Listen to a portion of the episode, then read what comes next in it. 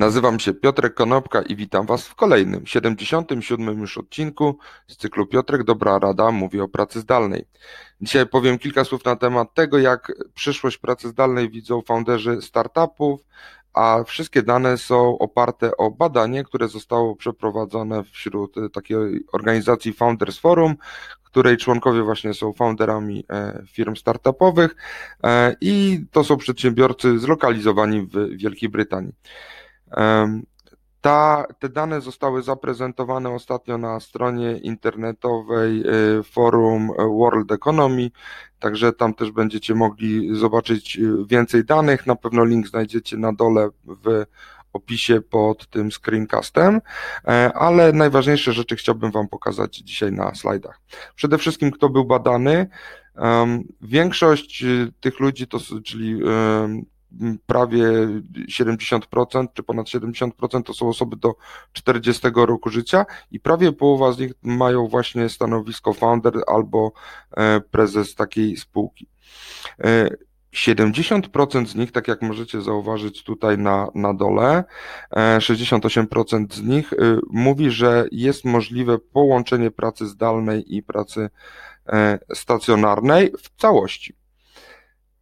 Drugą informacją jest to, że jak wygląda możliwość w ogóle powrotu do pracy stacjonarnej, to znaczy od jednego do trzech miesięcy to są osoby, do sześciu miesięcy to są osoby, które mówią, że w ciągu najbliższego półrocza wrócą do pracy stacjonarnej, wrócą do biura i będą się czuły z tym komfortowo. Natomiast e, ten wykres tutaj na dole, ten paseczek, pokazuje, że ponad połowa z nich, 50,3%, mówi o tym, że chciałoby pracować 3 lub więcej dni w tygodniu zdalnie, co e, tylko 5% chciałoby pracować wyłącznie stacjonarnie. Dodatkowo ponad 90% ankietowanych udzieliło odpowiedzi, że praca powinna być w modelu zdalnym bądź połączonym ze stacjonarnym i powinny być dedykowane dni y, do pracy stacjonarnej dla całego zespołu. W ten sposób odpowiedzi udzieliło 84% y, respondentów. Jak bardzo produktywna jest praca zdalna w opinii właśnie founderów, to zależy od stanowiska i to zależy od y, rodzaju zadań. Jak możecie zauważyć, e, stanowiska są, tutaj są stanowiska w, tym, w tej macierzy e, i im ciemniejszy kolor, tym e, bardziej mm, efektywna praca zdalna jest według oczywiście danego stanowiska.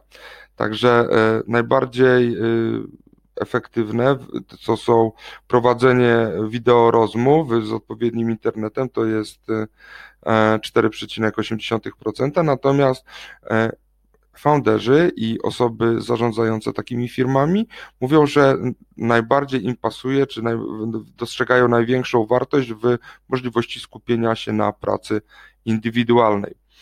Czy zamierzają zmienić y, praktyki związane z pracą zdalną?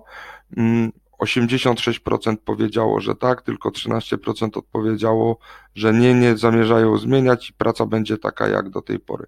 Także widzimy blisko 8, ponad 80 do 90% ludzi dopuszcza pracę zdalną, dopuszcza pracę mieszaną i przyjmuje to, że y, to, co było dawniej, już do nas nie wróci.